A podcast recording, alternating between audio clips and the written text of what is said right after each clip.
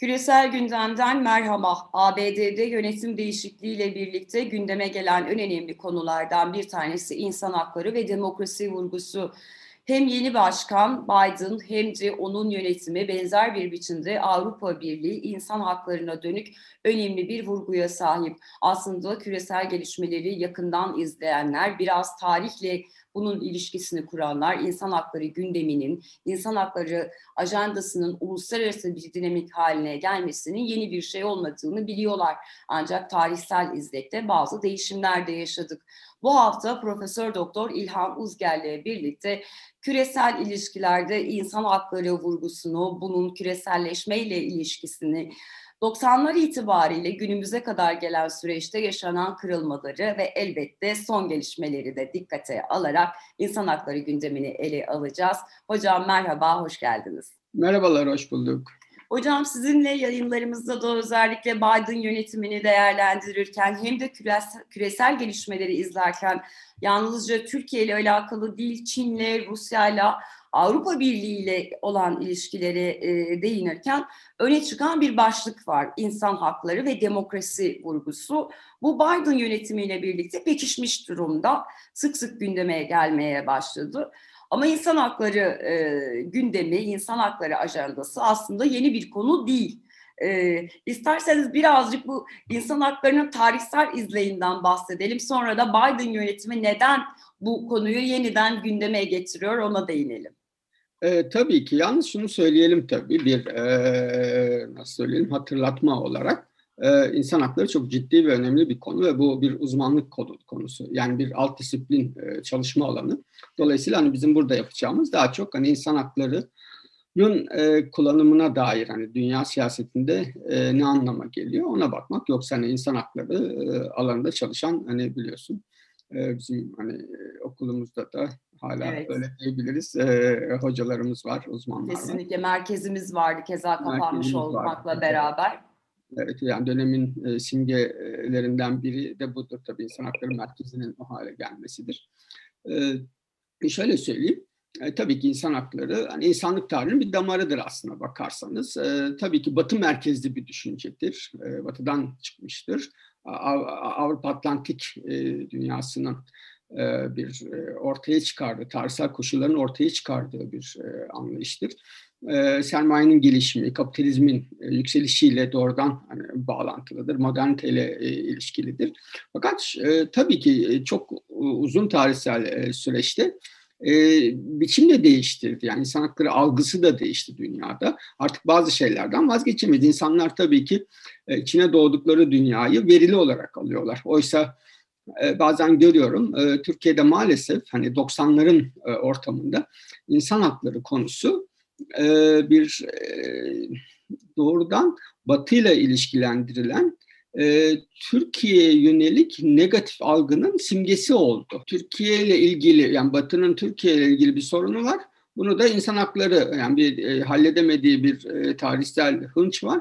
Bunu da insan hakları üzerinden e, gerçekleştirmeye çalışıyor gibi bir algı ortaya çıktı. Ben hala inanamıyorum hani yazılanlara, televizyon programlarında söylenenlere. E, şöyle bir hani çok genel başladım. Şöyle bir algı var. Hani biz insan hakları bizim dışımızda bir şeymiş gibi anlıyorlar. Oysa mesela sen televizyona çıkmışsın ya da işte gazetede, muhalif bir gazetede Avrupa insan hakları bilmem ne diye eleştiriyorsun. Fakat aslına bakarsan sen onu yazabiliyor olman doğrudan insan hakları ile ilgili bir şey.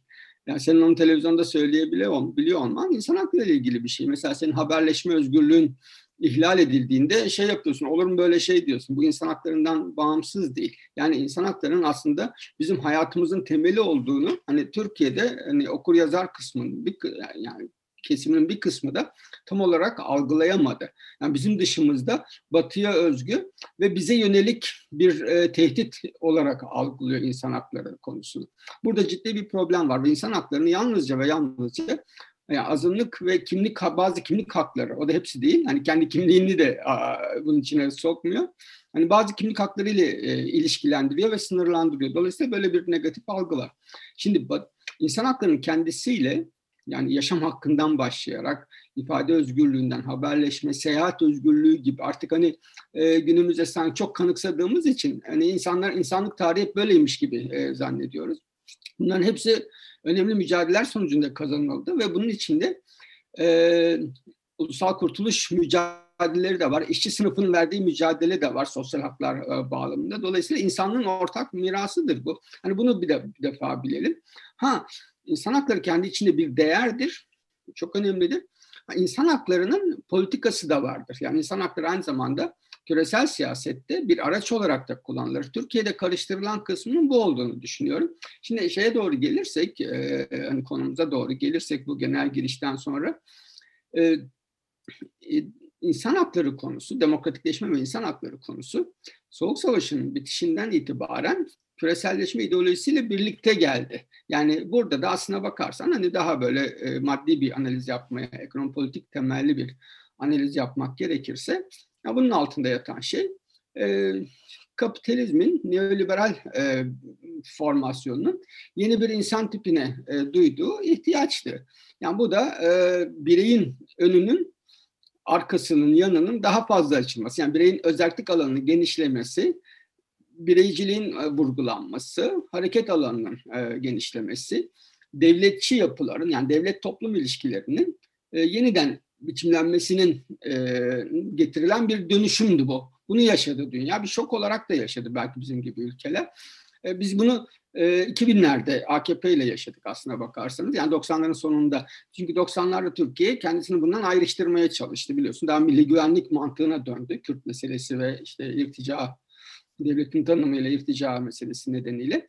Dolayısıyla da bütün dünyada aslına bakarsanız 80'lerin sonu 90'lardan itibaren yani kapitalizmin yayılması, yeni bir insan tipi, yeni davranış kodları, e, işte tüketim kültürünün, bireyciliğin e, artması, daha hedonizme varan yani haz dünyasına doğru gidiş için e, bu şeyin kimlik meselesinin öne çıkması. Bunun için de bunun gerçekleşebilmesi için de yani bireyin alanının genişlemesi için e, daha demokratik bir e, sistem e, gerekti. Dolayısıyla da mesela bunu söylemişimdir daha önce ama tekrar edeyim. Mesela 1990'larda Clinton yönetimi hani bunun şeyini çeker, başını çeker. Clinton yönetiminin ulusal güvenlik savunma belgesi bunun üzerine kuruludur. Engagement and enlargement'tır. Genişleme ve yayılma yani hem neoliberalizmi yayma ve şeyi insan hakları demokratikleşmeyi e, genişletme. Dolayısıyla da buradan hızını aldı ve bütün dünyada da e, şeyi de biraz gölgeledi. Yani sınıf siyasetinden e, kimlik siyasetine e, doğru e, gidiş oldu. Neoliberalizmin hani bu yönünü e, yarattığı gelir e, dağılımı bozukluklarını vesaireyi hani örten bir fonksiyonu da oldu. Dolayısıyla da 2001'e kadar en azından yani 11 Eylül'e kadar bu güvenlik mantığının geri çekildiği ve daha çok insan hakları demokratikleşme gibi liberal kavramların, sivil toplumun, e, kimlik e, konularının bu bazı yerlerde işte Kafkaslar ve Balkanlar gibi çatışmayalara da yol açtı. Daha sert yaşandı orada. Kimlik sorunu tam olarak çözülemedi ya da farklı bir tarihselliği olduğu için. Dolayısıyla da şeyden sonra bitmedi. Hani Bush dönemi bunu kısmen devam ettirdi. Çünkü kapitalizm, küresel kapitalizmin buna ihtiyacı vardı. Yani bu kimlik vurgusuna ihtiyacı vardı. Dolayısıyla bu özel şeyler hani küresel şirketler de bu, bu şeyi çok kullandılar. Özellikle isim verebiliyor muyuz bilmiyorum ama mesela Gap ve Benetton bunun öncülü başını çeker e, küresel olarak. Orada çok kültürcüle çok vurgu vardır çünkü bu şeylerde. İşte spor. Sloganı zaten öyledir. Renklerin birleşmesi gibi aynen, bir sloganı aynen. var. Evet e, ve şeydir çünkü şeye ihtiyaç artık hani yani milli kimlikten çok işte bu tür dağınık farklı kimlikler önemlidir. Küresel olarak hani hepimizi aynı noktada buluşturan bir şeydir bu. O yüzden de çok desteklenmiştir. Ta ki aslına bakarsanız hani şeye kadar Trump dönemine kadar. Ha bu dönem, bu, bu, ki bunun bir siyasal boyutu da var tabii. Doğrudan dış politika aracı olarak da kullanıldı. Bunun da başlangıcını yine belki bu şeyde çekimlerde e, söylemişizdir. Bunun başlangıcı Carter yönetimine gider. Yani ve ilk defa Amerikan dışişlerinde e, insan hakları dairesi kurulur ve her yıl Amerika o tarihten itibaren dünyada tek tek ülkelere not vermeye başlar. Yani bir öğretmen edasıyla ülke notları var, ülke raporları var. Çok detaylı. Ben okudum mesela hani Türkiye ile ilgili kısımları. Çünkü çok uzundur ve detaylıdır. Türkiye ile ilgili kısımlarını okudum ve her yıl Amerikan başkanı bunu yayınlanırken orada bulunur falan ve tek istisnası e, Trump döneminde oldu. Yani Trump dönemi buradan e, bir geri çekilme yaşadı. E, Birleşmiş Milletler İnsan Hakları Konseyi'nden çekildi Amerika 2018'de. E, dolayısıyla da insan haklarından tamamen çekilmedi. İnsan haklarını yeniden tanımladı ve burada e, insan haklarının anladığı özellikle Pompeo e, Dışişleri Bakanı CIA'den gelmedir. Onun insan haklarının anladığı dini özgürlükler çünkü şeydir hani bunlar fanatik işte evangelist Hristiyanlar dini özgürlüklerle e, mülkiyet hakları yani insan haklarını Trump yönetimi buna indirgemişti. Şimdi şeyle beraber Biden'ın sözü var zaten seçim kampanyası sırasında dedi ki yani insan haklarına önem vereceğiz ve hepsini kapsayacak ve çok kültürcülüğü de Amerika içinde sağlayacağız. Ha, bunu da muhtemelen söylemişizdir. Şeyi ekibi yani kabinesi en üst düzey yani bakan sekreter deniyor biliyorsun ve yardımcıları yani şey yüzde elliye yakın kadın oranı. E, gay var işte ilk defa bir Amerikalı evet, yerli. Evliliği olan hatta bir e, bakanımız var. Evet. E, yani bakanları var. Bakanımız demeyelim. Yerlisi dediğimiz e, bakan oldu ilk defa Amerikan tarihinde. İşte savunma bakanı bir siyah falan. Dolayısıyla da e, bunu şimdi sorun geldi şeye dayandı. Yani içeride şöyle söyleyeyim, biz şunu abartmıyoruz ve e, tabii ki farkındayız. Yani öyle bir saflığımız yok. Yani Amerika'nın insan hakları, kendisinin insan hakları konusunda hani hem sicili çok zayıf, yani bazı açılardan özellikle siyahlarla ilişkiler hem de e, şey olarak küresel olarak da hani bazı anlaşmalar mesela Uluslararası Ceza Mahkemesi'ne falan evet. şey değil Amerika taraf değil. Taraf değil. Amerika'nın işte drone e, savaşlarıyla e, yani savaş demeyelim artık hani savaş da değil ama mesela Afganistan'da elini çok rahat tutuyor sivilleri öldürüyor falan hani evet. buralarda ve şey de yapamıyorsunuz e, Amerika'ya hani bu bir, bir zorlayıcı şey de uygulayamıyorsunuz. Hani bu tür günahları elinde kiri ve kanı vardır Amerika'nın biz bunu biliyoruz ama şöyle bir yönü var. Hani mesela Trump hakkında yani yazılanları burada söyleyemem ben neredeyse. Yani Twitter'da, e, CNN International'da yani öylesine rahat eleştirilebiliyor ki başkan. Ailesi yani neler söylendi falan. Dolayısıyla biz bunu yüzde birini yani gündeme getiremeyiz. Yani ima bile edemeyiz onları. Dolayısıyla da hani böyle bir şey var. Şimdi e, bu, bu, bu, bu e, rezervi koyalım. Hani bunun farkındayız. E, bu, bu, bunun, bununla ilgili bizim de yapabileceğimiz şeyler olabilir. Ama Amerika bütün bunlara rağmen, bu eksikliklerine rağmen insan hakları konusunu bir dış politika aracı olarak da kullanır ve Biden yönetimi de kullanacak. Onun için kendisinde bazı düzenlemeler, yani en üst düzeyde bazı düzenlemeler yaptı. Şimdi e, şeyi bekliyoruz. Fakat bu nasıl gelecek? Yani insan hakları konusunda daha böyle kapsamlı bir açılım gelecek mi? Yoksa e, bu yalnızca hani göstermelik e, bir e, sopa gösterme. Yani e, dünyada biliyorsun bir e, 2010'lardan itibaren bazı hani literatürde bu e, kompetitif otoriteryenizm deniyor. Yani rekabetçi otoriterlikle neoliberal otoriterlik. Yani daha kritik yaklaşanlar neoliberal otoriterlik diyorlar. Hani daha liberal çizgiden ana akım hani rekabetçi otoriterlik diyor. Bunun da anlamı şu. Yani hem seçim var hani şey gibi değil hani Hitler, Mussolini gibi değil. Evet. Yani seçim sistemi var. Bazen medya bile var. Ama baskı altında ve baskı teknikleri de aşağı yukarı aynı. Yani sanki yani size bir kitap ve manuel mi da dağıtıldı diyesi geliyor insanın. Hani yani Anayasa Mahkemesi'ni kontrol. Bakın bu, bugün bunu tartışıyoruz. Anayasa Mahkemesi'ni kontrol edelim, hukuk sistemini kontrol edelim. Muhalifleri baskılayalım, toplumsal muhalefeti hani sopayla başına inelim.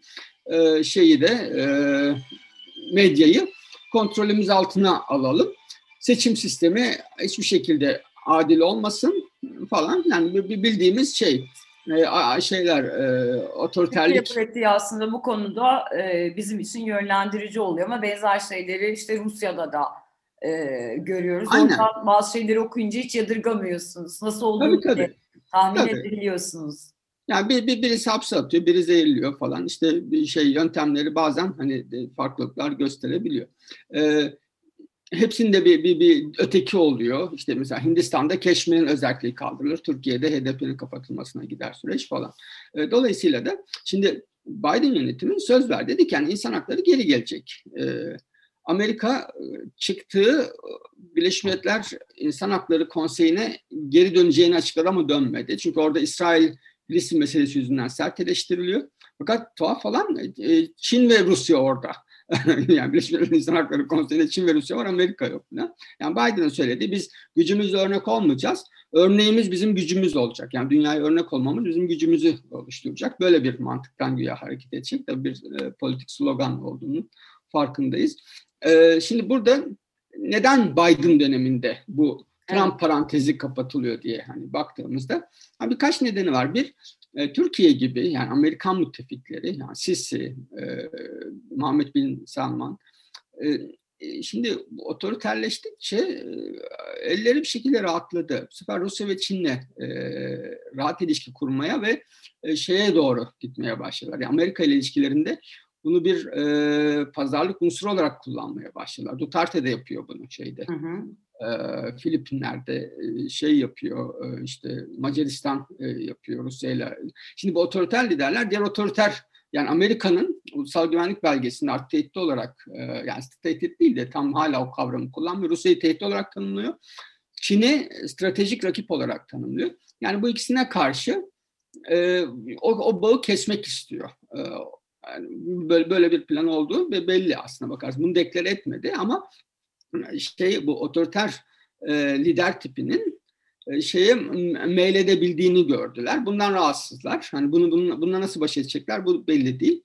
Ya ikincisi tabii Çin, Çin'i ve Rusya'yı sıkıştırmak istiyorlar e, kaçınılmaz olarak. Hani ellerinde Amerika'nın elinde işte iktisadi araçlar var, askeri araçlar var ve, ve diğeri de işte insan hakları ve demokratikleşme. E, dolayısıyla da işte hem Çin'in içinde e, biliyorsun bu Uygur meselesi, Hong Kong meselesi. Tayvan meselesi evet. Tayvan var. Des demokratikleşmeyle daha do, dolaylı bağlantılı olmakla birlikte. Dolayısıyla da e, şeyi e, demokrasi cephesini güçlendirip bu ülkeleri sıkıştırmak istiyor aslında bu iki ülkeyi. Yani şey küresel bir kullanım var burada. Ha bu, bu, bu, bu tabii dünyadaki hani entelektüeller, sol, demokrat kesimler için de bir açmaz e, ifade ediyor. Şimdi e, Amerikan emperyalizm demokrasiyle gelirse ne yapacaksınız? E, yani şöyle askeri, yani Irak işgale karşı çıkmak kolay. Yani etik olarak e, sizi zorlamayan bir şey. E, işte ben Kız, Kızılay'da gösterideydim ben 2003 1 Mart'ından önce. Şimdi Amerika hayır insan haklarına iş, ülkenizde işkence yapmayın de, dediğinde e, onu evet doğru söylüyor dediğinde içeriden dönüp size şey diyorlar siz emperyalizmin uzantısısınız. Yani ne Aynen, şimdi? Masaları geldi falan diyorlar yani hani e, o zaman işkence mi yapın dememiz Hayır, gerekiyor şimdi, diye. Evet e, dolayısıyla böyle bir ikileme sokuyor. Hani bu, bu, bu iyi bir şey değil. Yani bir şey işte sivil toplum dediğinde e, Sorosçu musun yani diyor. Yani ele, de, devlet herkes devletçi olacak. Herkes, herkes devletin gücünü kutsayacak. Hani böyle bir ikileme e, sokuyorlar. Hayır biz insan haklarını e, her yerde savunabiliriz. Şu Amerikan devletine karşı biz siyahları da savunabiliriz. Yani keşke burada biz hani şeye karşı da bir gösteri yapabilseydik. Şimdi Batı'da e, bir devlet politikası olarak tabii ki kullanılabilir, kullanılıyor insan hakları konusu. Ama mesela samimi e, gruplar da var. E, mesela bir örnek vereyim. E, şey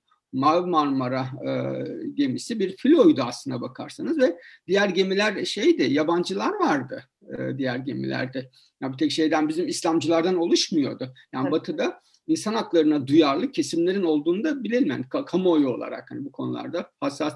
Biz bunu yapamadık bir türlü. Yani biz başka ülkelerdeki insan hakları ihlalleri konusunda yeterince e, şey yapamadık, aktif olamadık. Çünkü hani kaçmaktan e, kovalamaya hani fırsat e, olmadı. Yani biz yani burada için hani Kanada'da olsanız tabii ki başka ülkelerdeki insan hakları ihlalleriyle daha fazla ilgilenebiliyorsunuz. Yani Türkiye'de bunu yapma böyle bir lüks lüks oldu hani böyle bir e, çaba. Dolayısıyla da bundan sonra yani Orta Doğu'da e, Türkiye, Mısır ve e, Suudi Arabistan Selman üzerine e, şey olacak bir baskı gelecek. E, bu baskının şekli henüz daha tam belli olmadı. E, ya böyle kalacak yani sürüncemeye bırakacak ve kurumsal ilişkiler deyip Dışişleri Bakanları ve Savunma Bakanları düzeyinde götürecek. Ya da kapsamlı bir e, insan hakları e, eylem planı gelecek Amerika'dan. Bu burası hala netleşmedi. Yani şeyden başlayarak seçim kampanyasından başlayarak bir insan hakları vurgusu var. Zaman zaman gündeme geliyor. E, hatta içinde e, belki bunu da söylemişimdir e, geçici ulusal güvenlik belgesinde LGBT haklarını e, yaymaktan söz ediyor. Mesela Pompeo döneminde bir önceki şeyde bunları çıkardı insan hakları e, metinlerinden, Amerika'nın yayınladığı metinlerinden. Hani bu gender, toplumsal cinsiyet, Tabii yani bizdeki evet, karşılığını tahmin edebiliyorum hocam. Ahlaksızlığı yayma kürsüsü gibi hani bu filmdeki göndermeyle ilişkilendirecekler büyük ihtimalle. Hani o, o, o maddeleri çıkardılar şeyde e, Pompeo döneminde yani bir önceki Trump döneminde. E, şimdi tekrar onları koydular ve ulusal güvenlik belgesine koydu Amerika. Yani LGBT haklarını dünyada e, savunacağız e, dedi. E, yani şöyle teşvik edeceğiz demiyor yani bir, bir sorun varsa hani bir saldırı varsa hani o, o korumaya yönelik e, bir Tabii şey. en azından yani bazı bakanların çıkıp sapkınlar demesine dönük bir tepki gösterecekler bu tabii, insanlara tabii. dönük. İstanbul Sözleşmesi'nden çıkmayı da hani kınayan bir şey yayınladı biliyorsun Biden yönetimi. Dolayısıyla da e, şimdi bir Dünya Demokrasi Kongresi toplayacağız dedi. Bunu geciktiriyorlar çünkü şey e, sorunu var ee, yani kimi davet edeceksiniz? Şimdi Türkiye'yi davet etse bir dert, etmese bir dert. Ee, Suudi Arabistan'ı davet edemez. Mısır'ı nasıl davet edeceksin falan. Hani o zaman da kendi müttefiklerini bölmüş olacak. Dolayısıyla hani bunun kolay kolay gerçekleşemeyeceğini hatta düşünüyorum. Ee, ama baskının düzeyi de e, işte şey olacak. Amerikan sistemi içinde de şunu da ekleyeyim e, kapatmadan önce. Amerikan sistemi içinde de bir tam bir e, uzlaşı yok. Özellikle şey Pentagon e, cenahı diyeyim e, çok memnun değil. E, mesela Trump, şey Biden e, Sisi hakkında sert konuştuğunda CENTCOM komutanı gidip hemen görüşme yaptı falan. E, şey eleştirildiğinde Sisi e, şey e, Pentagon şey konusunda bastırdı e, silah yardımı konusunda ve 200 milyon dolarlık silah yardımı askıya alınmıştı ama onun Pentagon'un baskısıyla tekrar e, şey oldu, e, gönderildi falan, bırakıldı, serbest bırakıldı.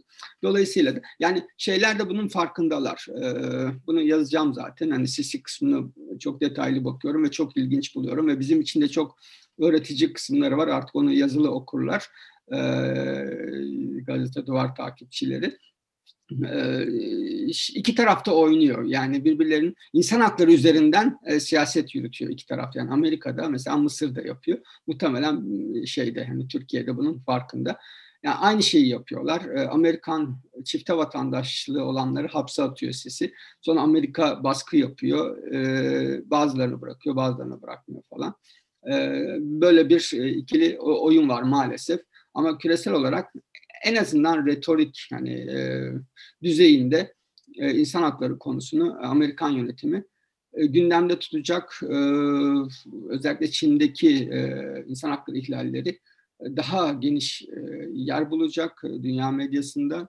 Türkiye'yi de zorlayacaklar bu konuda büyük bir olasılıkla ve e, Çin'deki orta sınıf kentli eğitimli kesimlere daha fazla ulaşmaya çalışacaklar insan hakları konusunda diye e, bir öngörüde bulunuyorum. Anladım. Teşekkür ederim hocam. Çok sağ olun. Hem insan haklarının tarihini hem de Biden yönetiminin bunu e, ele alış biçimi ve uygulayışında belki karşılaşacak sorunlar, belki bazı ülkeleri bekleyecek olan gündemle ilgili önemli unsurların altını çizdiniz. Ben teşekkür ederim. Profesör Doktor İlhan Uzger'le birlikte bu hafta insan haklarının biraz tarihsel yolculuğunu, insan haklarının aslında ne olduğunu, elbette insan hakları uzmanlarının olduğu bir alanda bizler yalnızca bunun küresel siyasetteki anlamını ve uygulanış biçimini ele almaya e, çalıştık belli sınırlar dahilinde. Biden yönetimi içerisinde buna dönük olan dengeyi, belki çatlakları, ve Türkiye, Mısır, Suudi Arabistan, Çin ve Rusya gibi ülkeleri bu süreçte bekleyecek olan gelişmeleri, bu ülkelerin kendi aralarındaki ilişkilere, insan hakları gündeminin etkisine değindik. Bizi izlediğiniz ve dinlediğiniz için çok teşekkür ederiz. Hoşçakalın.